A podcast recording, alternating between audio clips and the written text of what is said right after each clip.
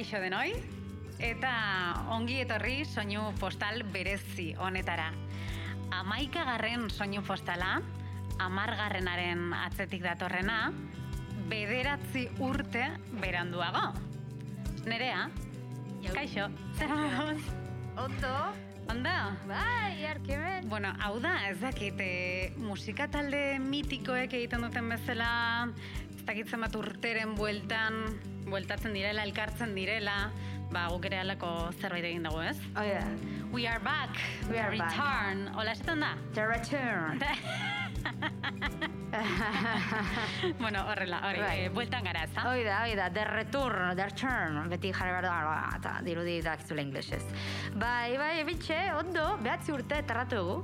Baina, baina mentxe, ode, placeraz, Horregonda, plop, placeraz. plop, plop, plop, plop, Hoi da, hoi da, kixatu hon bat bezala, txop, txop, txop egiten, eta iru, e, rutbiko irugarren denbora bezala, ez, eta la, ko- lagunekin egiten duzun barre sorta hori bezala, edo txortaldion bat bezala, gatzen zala gusto, ez, hola. Bai, bai, eta bida, antzerki bat egin hasi aurretikan, e, dagoen pixagure eta urduritasun hori. Baina, osea, urduri baina ondo.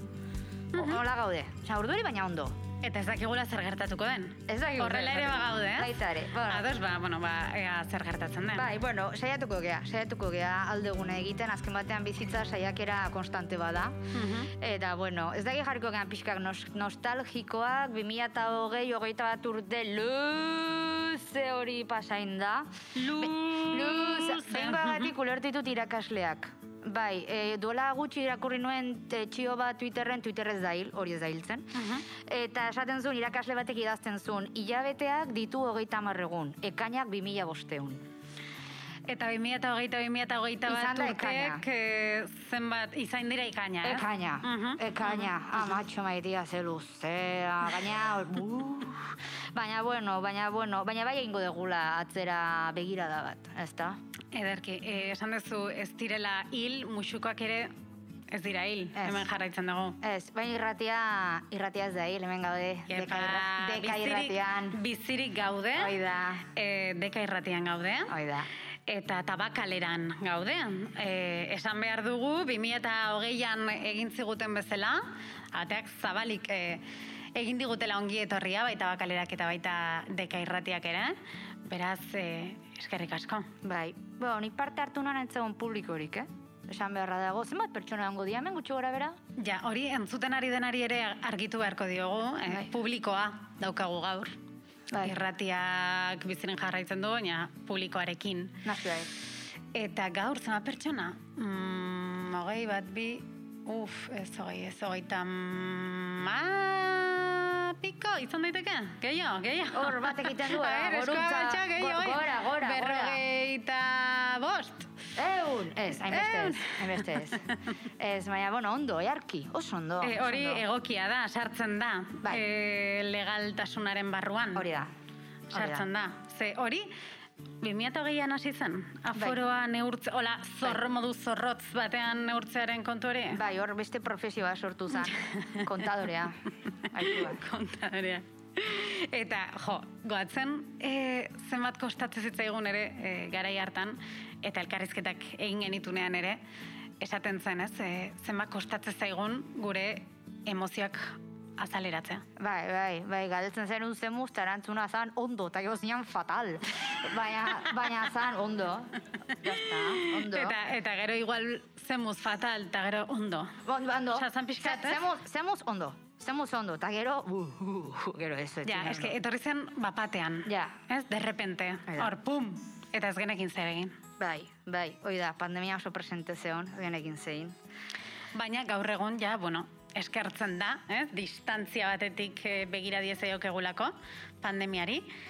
Eh, han pasado nueve años y, bueno, ahora podemos mirar a la pandemia desde una distancia, afortunadamente, y veamos qué y cómo ha cambiado todo lo que nos rodea y cómo hemos cambiado nosotros y nosotras.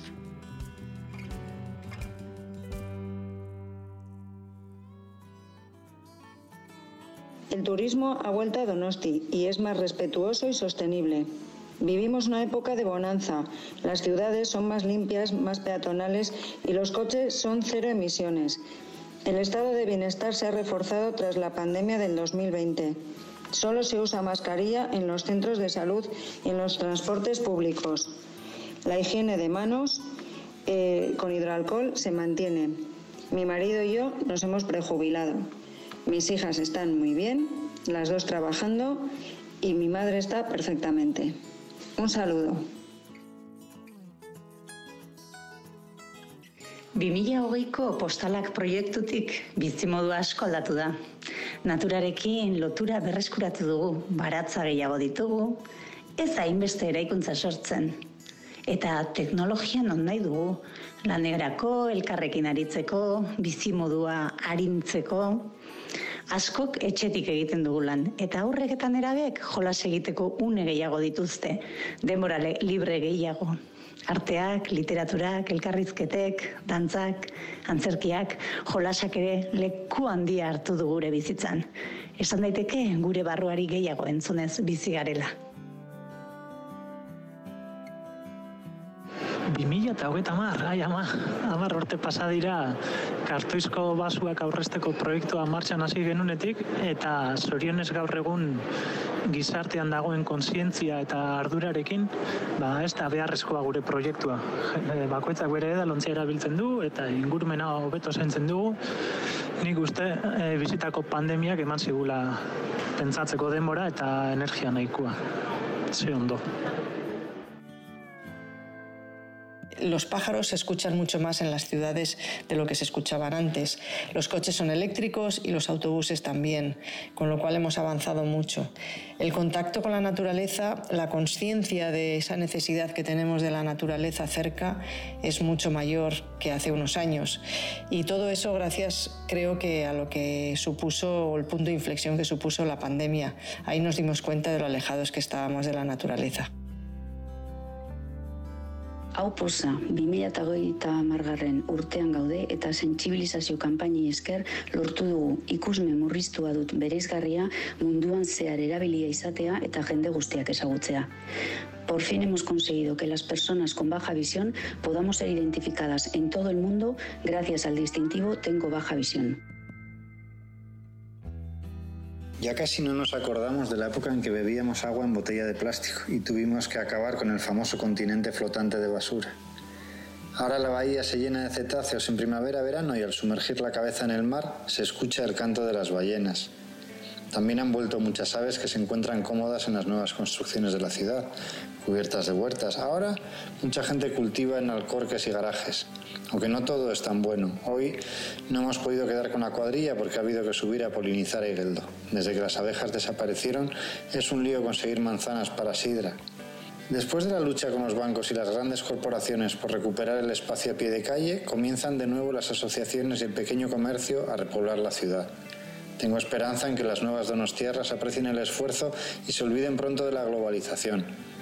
Los coches, por fin, han devuelto las calzadas a los peatones que caminan por el medio de las calles ajenos a las goteras. Y las niñas y niños recorren su camino escolar atentos a la ciudad, pero sin miedos. ¡Qué ilusión! Dagoeneko, amar urte pasta dira. Dagoeneko, berrogeita mala urte ditut. Dagoeneko nere semeak emezortzi dutu ia, ia, ia. Eta orduztik gauza asko dira. Pandemiak naturara bidali gaitu bizitzea, komunitatean. Orain, jende gehiagorekin bizi gara. Espazio partekatu batean, zaintza, beste modu batean kudatzen dugu, eta lasaiago bizi gara. Kaixo Darkumetik, es impresionante ver el, el peso que ha ido teniendo el trabajo comunitario estos últimos 10 años y cómo nos ha influenciado como sociedad eh, el vernos ahora a mí me hace, se me hace difícil pensar hace 10 años como antes de la pandemia ni, nos planteábamos la importancia de la, de la comunidad y en, en, el bienestar y el verlo ahora pues realmente me hace feliz y nos hace feliz desde la asociación. Pandemia? Ah, mm, orain dela zenbat, dioso? Amar bat urte, amar bat urte egia urte oso txarra bai. Urte txarra pasa genuen ordun. Baina oain pentsatzen dudala egun ezagutzen dugun iria, kotxeri gabe naturaz beteta auzoko bizitza ezagutzen dugun gaur egungo auzoko bizitza, ez genuke izango ordukoa pasa izan ez bagenu. Pandemia diozu, aldaketaren hasiera izan zan niretzatura. Gure hirietan kotxe pribatua kanporatu dugunetik, kotxe publiko eta komunak elkarroan ditugunetik, askoz ere kale zabalagoa ditugu pertsonentzako, naturak ere bere toki hartu du, ibaitxoak azaldu dira kaleetan, zelaiak ere bai, eta etxe bizitza komunitateek beraien espazioak sortu dituzte kaleetan. Eta espazio hauetan adin ezberdinetako jendeak elkartopo egiten du eta eta askoz gehiago ezagutzen dugu norrekin eta noren inguruan bizigeran elkarzaintza askoz egokeago batekin. Eta hori kotxeak kanporatu ditugulako. 2008 marra da, eta gure baloreak, gizarte bezala defendatzen ditugun baloreak aldatzen ari dira.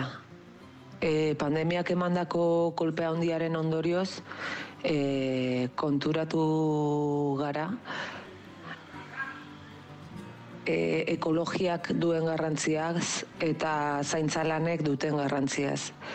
Eta horrek eraldaketa bat ekarri du, oraindik e, aldaketa horren gauzatzearen lehenengo pausoetan gaude, baina pixkanaka e, txikitasunera bueltatzen ari gara eta eta gauza lokaletara eta gertukoekin gure harremanak estutzera eta konturatu gara gizarte bezala gure bidea hori dela.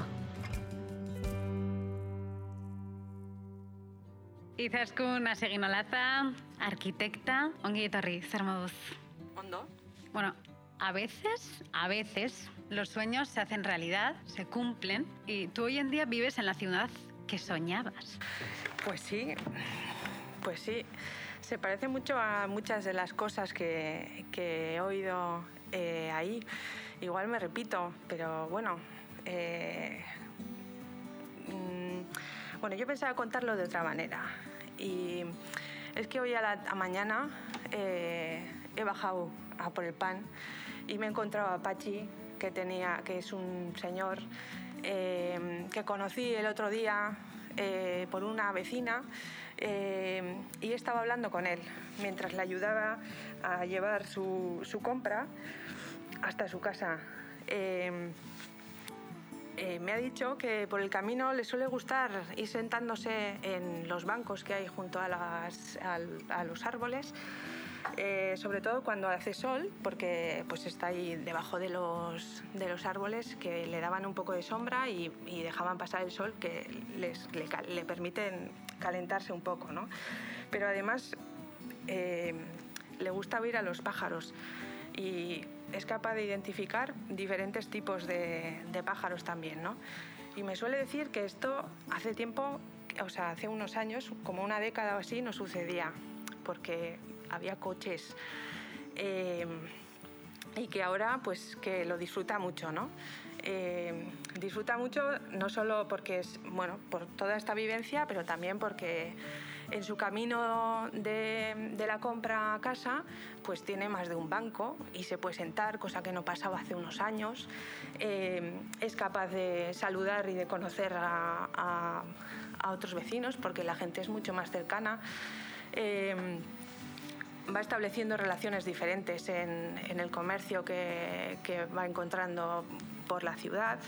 Eh, y además está súper contento porque eh, las relaciones que va haciendo no solo son con gente como él, sino que va conociendo pues a, gente más joven, más mayor, eh, incluso los niños, ¿no?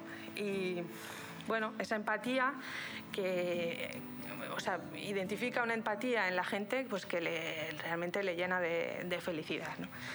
Em, bueno, eso los días que hace sol.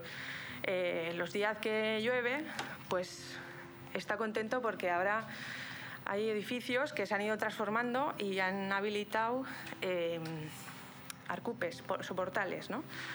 Y en los soportales que tienen una amplitud razonable, eh, pues también eh, hay bancos móviles que se van moviendo para que la gente eh, pueda estar en la calle. ¿no? Está muy contento porque además en la calle es el sitio donde no existe aforo, a pesar de que el aforo lo seguimos midiendo ¿no? desde hace una década aquí. La calle permite estar sin mascarilla también, vernos las caras, sonreírnos, ser capaces de ver si una persona sonríe o pasa de ti. ¿no? Bueno, todo eso, pues Pachi me ha ido eh, contando que ahora puede hacerse en la ciudad, cosa que hace unos años no, no. Es que parece que nos hemos acostumbrado ya a lo bueno, podemos decir. Pues qué bien. Sí. Qué bien. Y menos mal. Pero tú como arquitecta, Izaskun, mm. eh, ¿cómo ves esta evolución? ¿Qué sucedió? Sucedió que vivíamos encerrados en, un mundo que, que no respondía a lo que realmente queríamos, ¿no?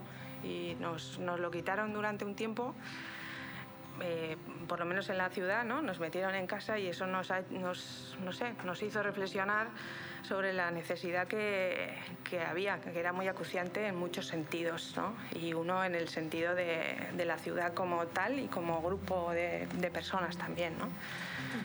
Ya hemos leído en más de un sitio que fue el inicio del cambio, ¿verdad? Hmm. Bueno, fue el inicio del cambio, en eso no estoy muy de acuerdo, porque eh, mucha gente desde hace ya tiempo e incluso podríamos decir décadas está hablando de lo mal que estamos haciendo o estábamos haciendo las ciudades, ¿no? Lo que pasa que sí que fue ha sido cambio en, en el sentido en el que nos hemos hemos tomado las riendas y realmente hemos puesto medios para, para poderlo llevar a cabo. ¿no? Ba, izaskun asegin olaza, eskerrik asko. Zuei, placer bat.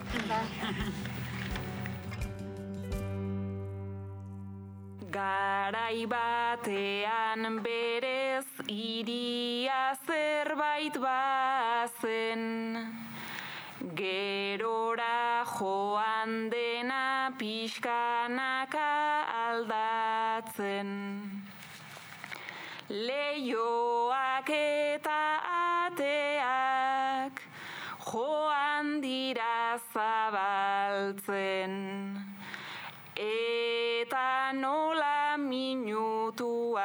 Aurrerantza doazen etorkizuna sarri da galderen almazen nik zalantza bat badaukat norantzote goazen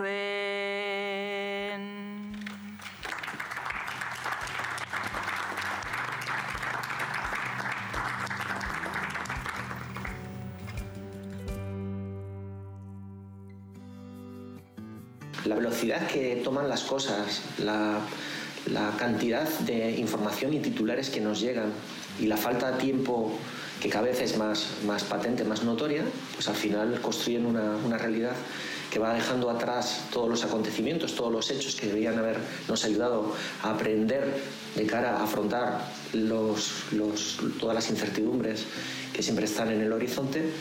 Eh, y la sensación es esa. Larrialdi klimatikoa gurekin ekarri dugu honeaino, baino iritsi da, jubilatu berri naiz.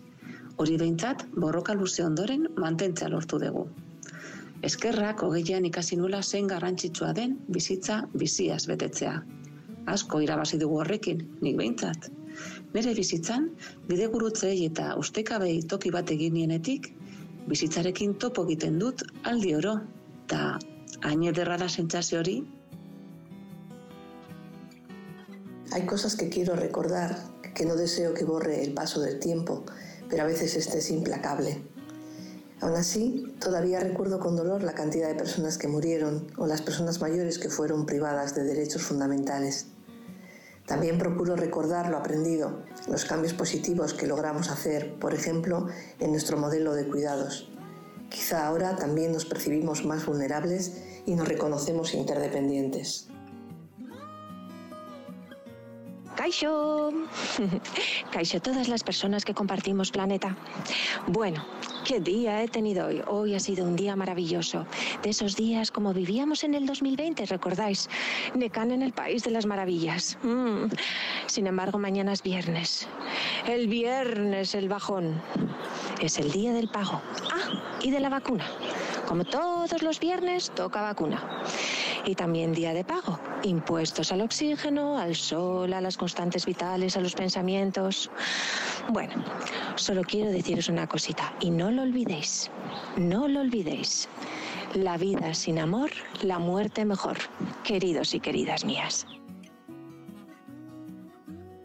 Kaixo, Bueno, e, 2000 eta hogeita mar garren urte horretatik, e, orain amar urteko pandemia hori, ba, hori, beste modu bat ez begiratzen diogu ez.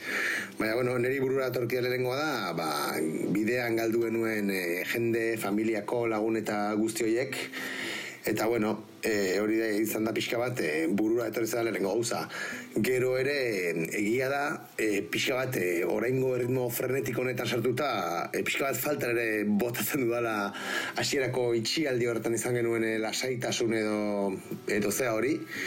Baina, bai, egia esan ba, ba kontua urruti ikusten dut eta eta ez naiz asko goratzen ez dakit seinale txarra edo ona den e, balio izan digun e, ba ez dakit e, garrantzitsua diren gauzai e, importantzia gehiago emateko edo edo ez hori ez daukatein zigur. Baina bueno e, tira hori da pixka bat e, burura etortzen zedana 2008 margarran urte horretatik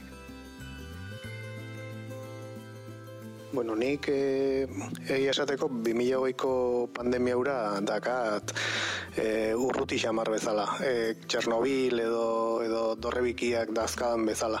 Baina egia da baita ere e, gelditu zitzaizkigula haren ondorio batzuk eta oraindik ere batzuko arkabean eta beste batzuk nahiko presente ba, ba, ba uzkagula, ez? Maskaren erabilera adibidez ba, nahiko orokorra da bain, baina ziurrenik e, oarkabean pasatzen zaiguna da errex murrizten zaizkigula bain e, o, murrizten dizkigutela bain ja eskubideak eta bere ala izten dizkigutela gauzak eta murrizten dizkigutela ordutegiak eta holako e, gauzak ba, lehen baino presenteago dazkagula eta hortikan golen bat sartu ote zizkigutenen beldur naiz baita ere. Mi esker. Aurrekoan duela amar urte egindako grabazioa entzuteko aukera izan nuen. Amar urte pasadira da, eta zenbat aldatu garen. Krisialde horretatik izarte mesfidatiago bat e, irten zela esango nuke. Mezu bombardaketen beldur dena eta egia bera dudan jartzen duena. Krisi osteak ez zuen lagundu eta horren ormanak ez dira bat itxi oraindik. Azkeneko hauteskundeak hori berriz ere argi utze duten bezalaxe. Zorionez lagunak eta familia gertuago izan behar ditu dala jabetu eta euren babesa eta zaintzak ekosistema sano propio bat eman dit. Eta gertu dana gehiago baleratzen ikasi dudala esango nuke.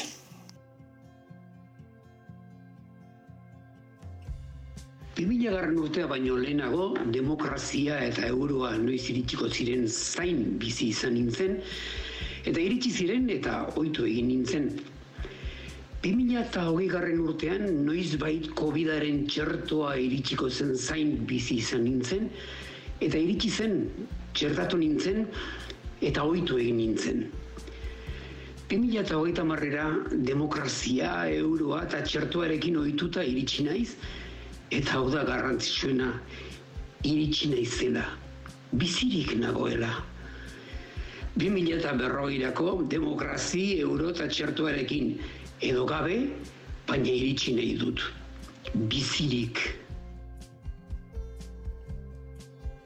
Uy, mira, qué casualidad. Hoy es viernes 13 de marzo de 2030. Pues han pasado 10 años de aquel otro 13 de marzo en la que empezó todo, en la que nos quedamos confinados. En fin, me acuerdo que nos quejábamos de de llevar las mascarillas todo el día que eran asfixiantes. un gusto. Si lo comparamos con el equipo de oxigenación artificial que tenemos que llevar ahora. La verdad es que de haberlo sabido, habríamos, habríamos atajado la situación de emergencia climática que, que vivíamos y también la pérdida de biodiversidad. No lo hicimos por pura, no sé, desidia. Y ahora, diez años después, nos, nos llega otra pandemia y quizá esta sea más fuerte. En fin, viernes 13 tenía que ser. 2008 marreko ekaina behatzia da gaur. Leioa zabaldu dut. Eguzkiaren goxotasuna sentitu dut gorputzean. Dutxatu, gozaldu, eta etxetik irte naiz. Geltokian, paradisoa zure eskura oporrak igarotzeko proposamen aparta delakoaren argazki mula ala ikusi dut. Autobuseko pantailan, futboleri baten fitxaje berriaren inguruan ari dira. Nire burua ez da gai jasoko duen soldataren zero guztiak ikusteko. Jetxi naiz autobusetik. Egun oro gurutzatzen dudan plazan losakoa jasotzen ari dira beste batez bi gazte horiek. Asteak dira muga gurutzatu nahian dabiltzala, baina ezin. Poliziak ere Frantzia problemaz esan zien. Iritsi naiz, banoa barrura. Gurpila ulkia utzi eta uretan murgildu naiz. COVID-19 virusak harrapatu nindun duela marrurte. Orduz geroztik, momentu hau da nire paradisu bakarra.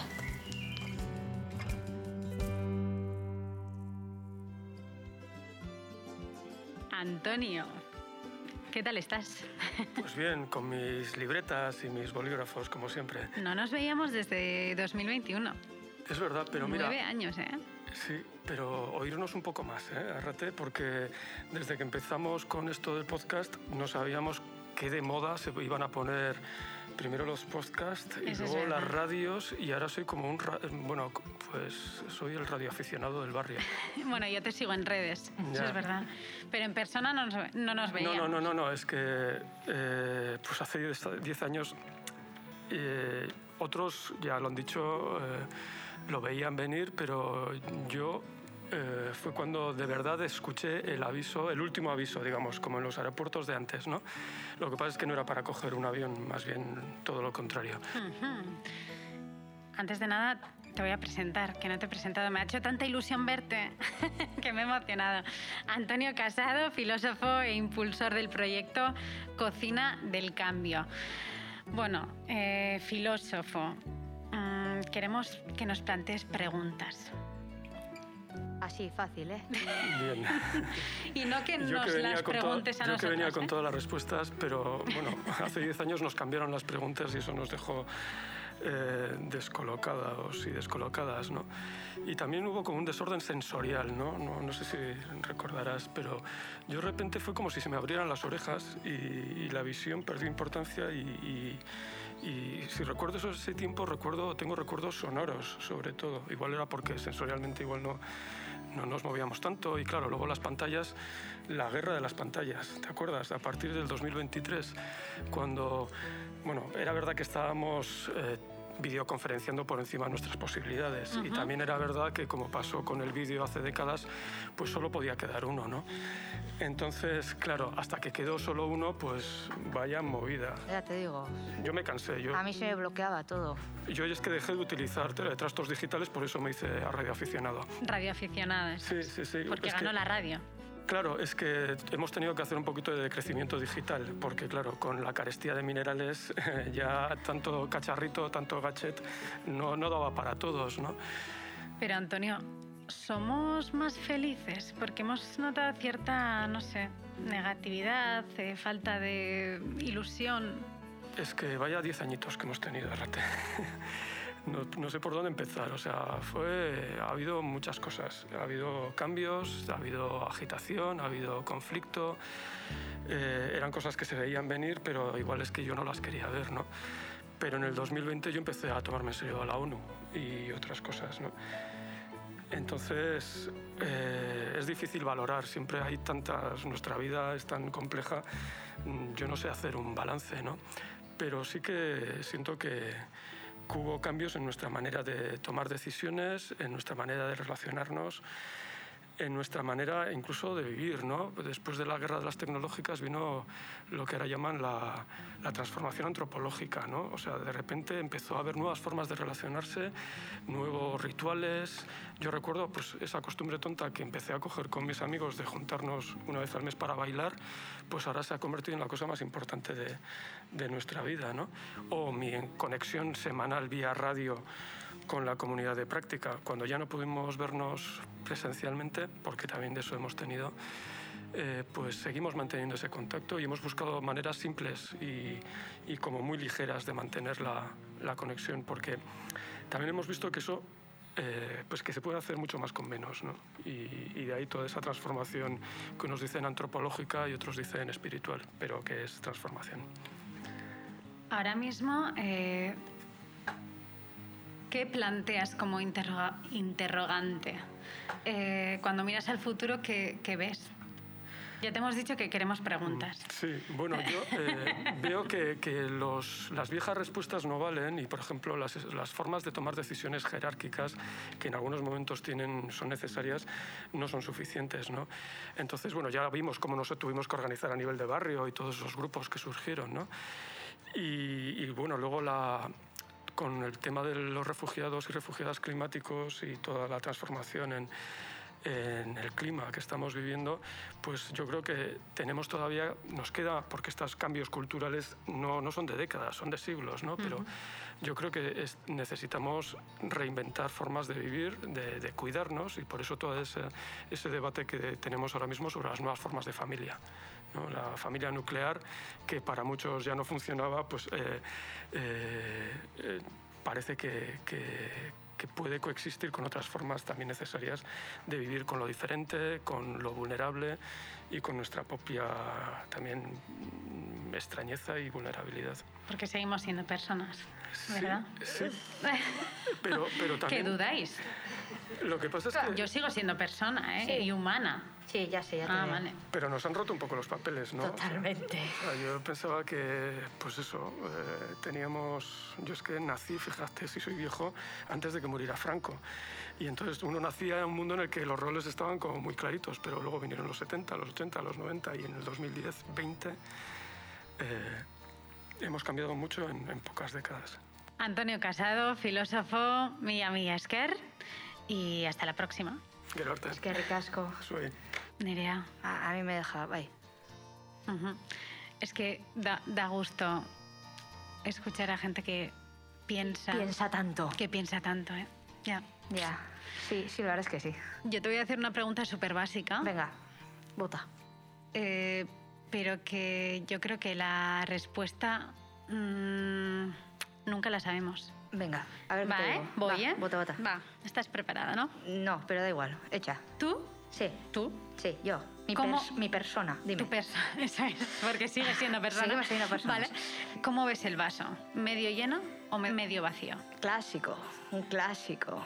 Pues, pues mira, depende del día, incluso dentro del día. Uh -huh. Depende del momento. Vale. Veo, puedo ver medio vacío, medio lleno y a veces simplemente veo cerveza. a la beca.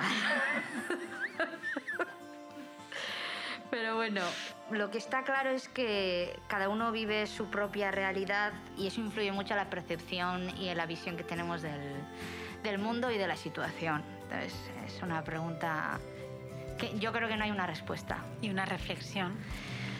Que lanzas. Baita ere. Bai, desde luego. 2000 eta hogeita margarren udaberri egun epel honetan, bainat izeneko neskatila bihurria amonaren sobrenmesako altxor guztiak ateratzen ari da. Amona, zer dira hauek, goxokiak? Ene, ez neska, pandemia baino lehen asko joaten ginen medikura. Ala erakutsi ziguten, mediku eta pirula gabe gaixo ginela eta gaixotuko ginela. Eta lako goxoki erabiltzen ziren zahartzaroak ekarretako minentzat. Minentzat? Beno, mina, tristurak, baina zugorain ez zaude triste eta zarragoa zera. Babai, arrazoi, pandemiak ditxoz horrek bere onurak ekarri zituen, haien artean bizilagun eta familien elkartzaintza, eta pirulak eta medikoak gaixo gauden erako. Aitatxo jarri zan hartan bezala, horixe. COVID-19 eragindako pandemia garaiaiek etzian errexak izan. Zenbat plan eta zenbat amets geratu zitzaizkigun bertan behera.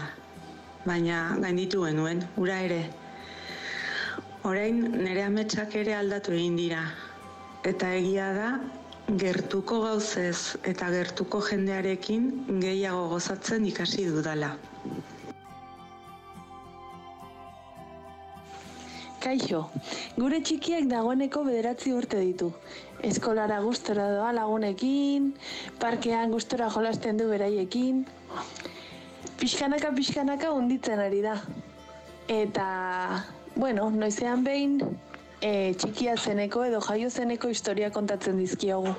Batez ere pandemia garaian bizitako egoeraz. Berak dio zientzilari izan nahi duela. Eta horrela, gure inguruak garbi mantendu eta batez ere horrelako egoerarik ez gertatzea. Bueno, ikusiko dugu. Ea gauzako berantz doazen. Muxu bero bat, aio. Paseo por las calles de Donosti y veo cómo la ciudad ha cambiado. Y me gusta pensar que algunos de esos cambios tienen que ver con cosas que aprendimos durante la pandemia, hace ahora 10 años. Por ejemplo, la importancia que tienen ahora en nuestra vida cotidiana los cuidados en cualquiera de los ámbitos de nuestra vida cotidiana. Es algo que nos une y de lo que nos sentimos orgullosos, como la tamborrada.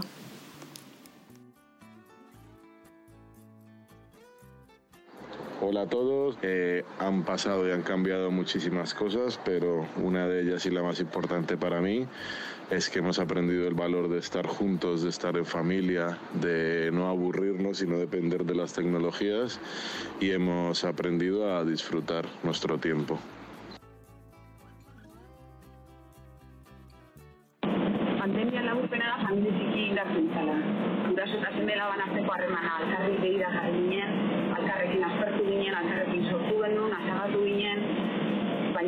baina familia hondi da faltan bota izan genuna. Osa baite bat, aizen amonak, lehen duzu lagunen. Hoien garrantzie eta hoiekin daukun harremana baloratzen ikasi genuen. Eta baita gelditzek eta e, dekora hartzek dauken garrantzitzak. Konturatu dira. Eke aurrean zen ere balio dira. COVID-hogeita bederatzi virusaren pandemia jasaten ari gara. Badirudi, COVID-19 eta hogeita lauko esperientzietatik zerbait ikasten goazela. Aurrak eta oraingoan ez dira demonizatu. Kontutan hartu zaie eta aukera gehiago eman zaizie sozializatzeko, parte hartzeko, emozioak lantzeko. Izakiak garen neurrian, harri berdinekin no estropozu egiten jarraitzen dugu, baina badirudi harrietako batzuk saiesten ikasi dugula.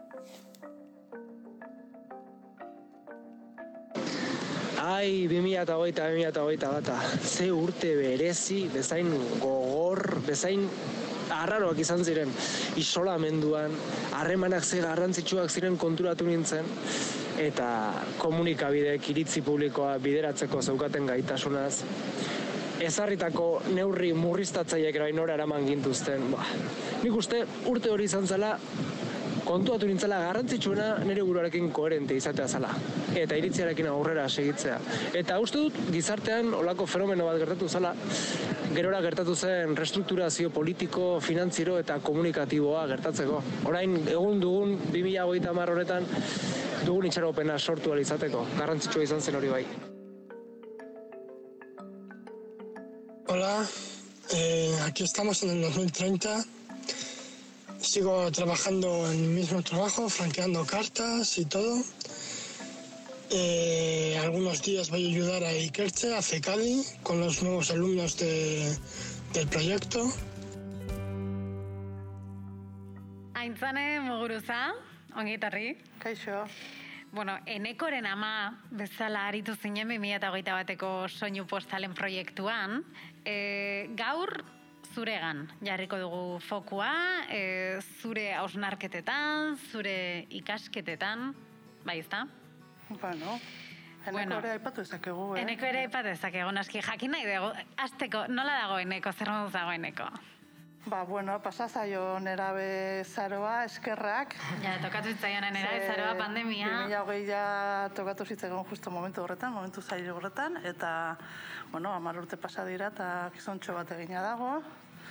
Teknologien aurrerakuntzari esker, ba, baditu badauka nolabaiteko lanbide bat, e, ordenagailu baten aurrean, jendearen aurrean ez egoteko aukerarekin, eta bueno, ondo moldatzen da, ondo gaude.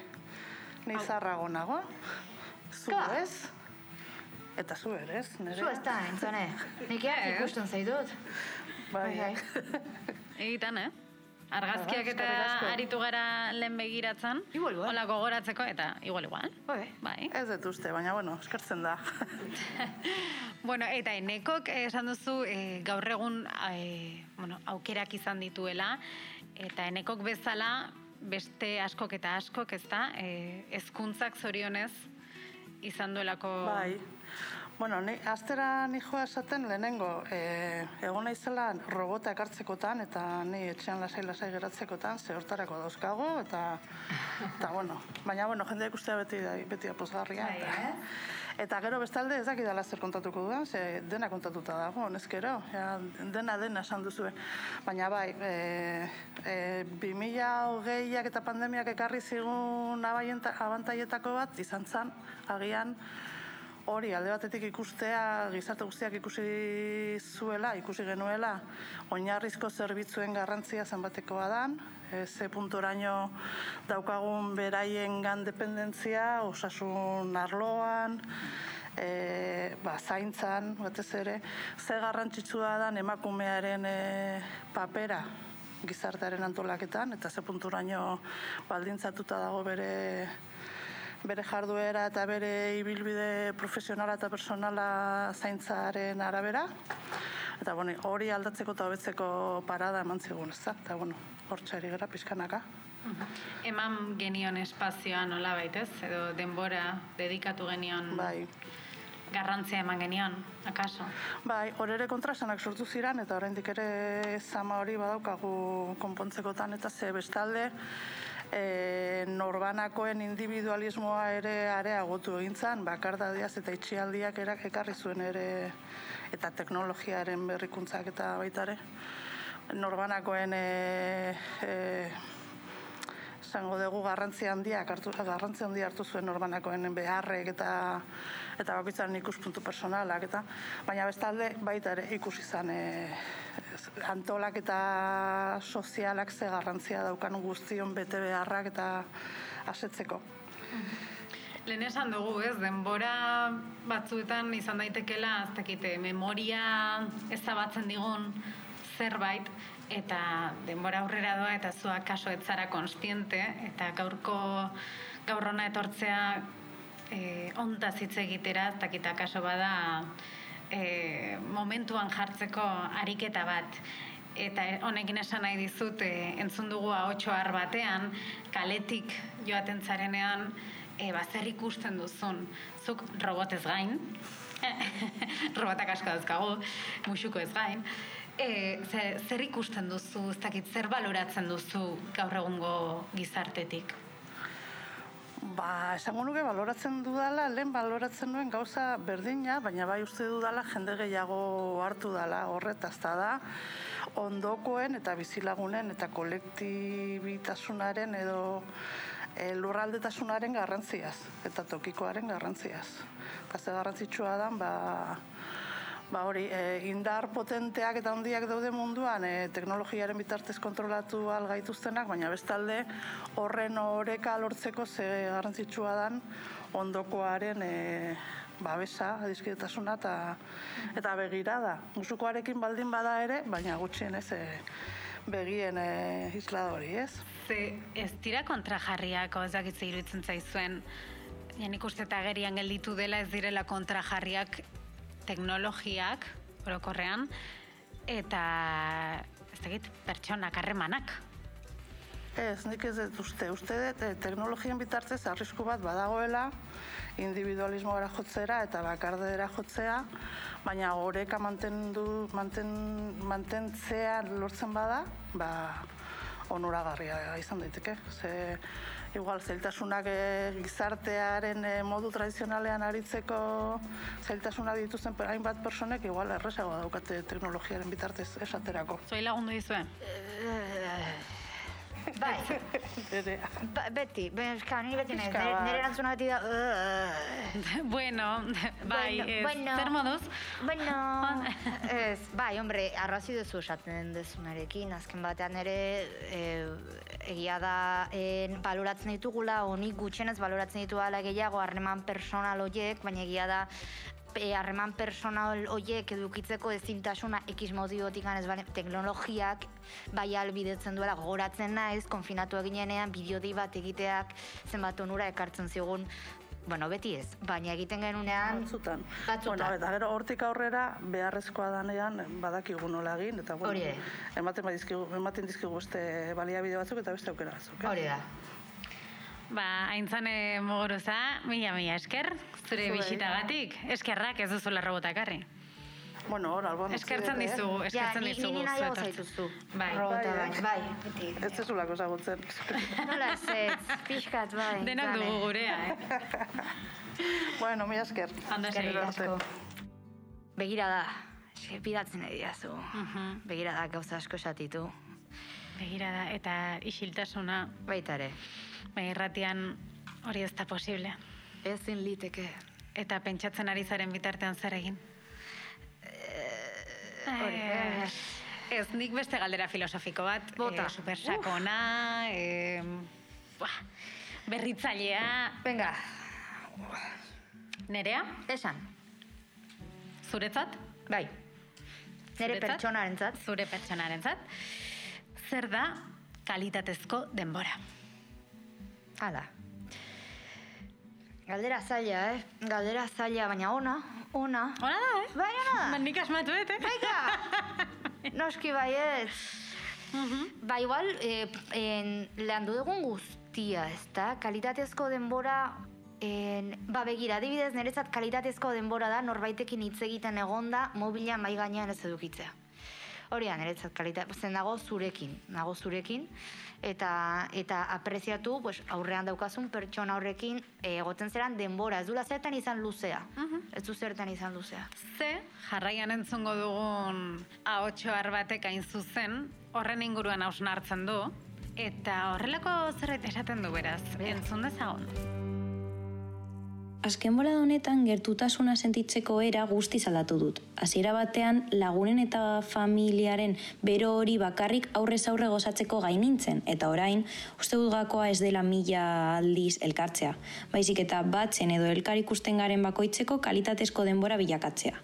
Pandemian bakardadearen eta geure burutik pasatzen ziren gauza askoren kontzientzia hartzearen urgentzia sortu zen, eta hori egiteko ausardia geure kabuz bilatu behar izan genuen. Horregatik diot, garrantzi handia ematen dio dala nire barneko gertutasun horretaz gozatzera eta aldiz maite ditudan pertsonen kalitatezko denbora elkarrekin gozatzeraz era kontziente batean. Jepa. Oso ona. Eta hori, esan digu, bueno, bera da Paula Diaz, eta Paula Diaz izan da 2008 postalen proiektuko parte hartzaile gazteena. Gelditu zen bere 2008 batean gelditu zen bere lehen Erasmusa egin gabe, eta begira ze irakaspen eman Jonio, dizkion, eh? Ze hausnarketa profunduak, ba, posten naiz, pilo bat. Ez da, ez da kopurua, izik eta bai. kalitatea edo? Bai, hori da. Ni, nik hori da edukidan irakaspen handiena, baloratzen dela, hau, hau da kalitatezko denbora, arrate zurekin egotea da kalitatezko denbora. Ba, bai, egia da. Baietz, Ba, bai. Eta zuek guztiekin eh, konpartitza ere bai. Baita ere. Bueno, hori eh, konpartitzen zigun parte hartzaile gazteenak. Eta hau da parte hartzaile helduenak konpartitzen diguna. Kaixo, zer moduz? Laro gita mala urte iritut, ja. Baina bizitzeko gogo berdinakin. Orain ondo gaude, ez 2000 hogeian bezala, egun osoan maskarilakin arna sartu ezinik.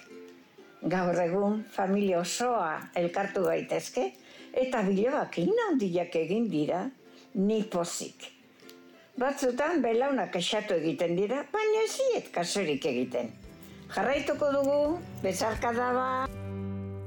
Aixen egaina entzun duguna, eh, esan dugu helduena. Eta zuk irribarre zabal Bai. daukazu, eh? Eh, ma- maskara dauka baina ikusten da, eh? Eske nik asien pixka ezagutzet, eta orduan ilusien dit, entzuteak. Asien. Ba, bai, eta eh, asenek dauka gauza bat, eh, oso erraz adierazten du, baina ez da erraza adieraztea. Ez, argi geratu da. Argi geratu da. Bai. Eh, ustez, hobetu dugu, zer modu zaude, nerea? Bueno, ba, hobetu dugu pixkat, lehen zan, ondo. Eta orain da, bueno, iu, ba, nik uste hor pixkat hobetu dugula. Garatu, garatu, zure buenoa. Bueno, hor daude, bueno, bueno, eh, claro, tonoaren arabera asko aldatzen da. Baina, bueno, igual orain... Baina, bueno. Baina, bueno, ez, baina kapazagoa gera esateko, ba, begira, gaur nago ondo. Edo ta, gaur ondo nago, edo ta, ba, ez da egit, pues, sudurrean askuria daukat. Balio du baita ere. Eta belauna mina. Edo belauna hasen bezena, baina aurrera dijoa, noski bai ez. Noski Eta baietz. aurrera goaz. Eta aurrera goaz. Denbora bezala. Bai. Eta orain publikoari begiratzen diogu, miramos al público. Bueno, esango dugu, hau izan dela amesteko gonbidapen bat, una invitación a soñar, ez? E, nerea, ze azkenean ikusi dugu e, zerbait irudikatzen baldin badugu, tokia eskaintzen badiogu, denbora eskaintzen baldin badiogu, eta, eta gainera, sinisten baldin badugu, ez ba, eraldaketa bat e, posible dela. Todos los cambios necesitan su tiempo, pero las cosas no cambian solas. Y todo comienza en uno o una misma. Y somos nosotras, con nuestras acciones, las que cambiamos las cosas. Ze polita, eh? Bai, osea, jarra. No. Polita galitu zait. Oso polita gatu zaizu. Inspiratu nauzue. Oh. Hori izan da. Kalitatezko denbora Hori da. Ba, mila mila esker zuen denbora eskaintzeagatik, tabakalerako zeta areto honetara hurbildu zareten guztioi, eta irrati bidez, entzuten ari zareten guzti guztioi ere, poz pozik bizi. Eskerrik asko etortzagatik. Eta orain, denok batera, denok batera, ane labakak eh, abanera doinuan prestatu duen eh, bertsoa abestuko dugu. Bale, txoin, bazpare neri gogorarazi abanera doinua zein dan, bale? Zeren... Eh, Karo, eske bertxozalek zatute abanera, eta dena, bale. Eta karo, ni hor pixkat flojo hiltzen naiz, orduan, ane mesedez? Na na na na na na na na. Vale, klasikoa. A ver, engo La, la, orokor bat? la, la, la, la, la. A ver, a ver, a ver. Na, na, na, na, na, na, na, na.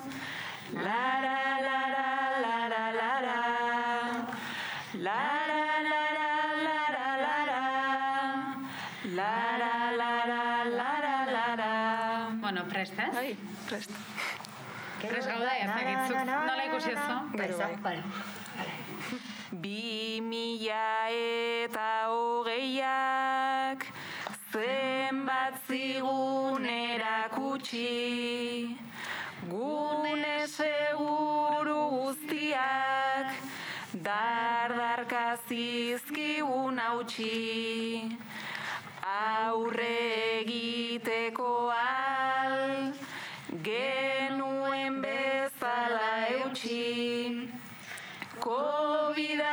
Gain gizarteko beste amaika virusi. Amar urteren ondoren iragana berrikusi. Batera asko garenez eta bakarkain gutxi. Distantzia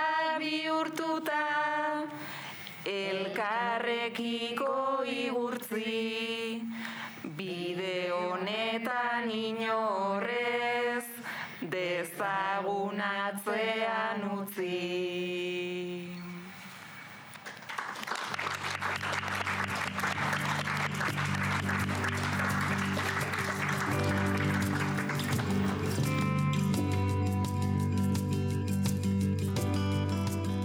Y así con este viaje al 2030, ponemos fin a esta segunda etapa del proyecto Postales 2020. Una etapa que termina con la misma sonrisa con la que se recuerdan los grandes viajes. Bidaia mardula izan da, bidaide ezinobek lagunduta gainera.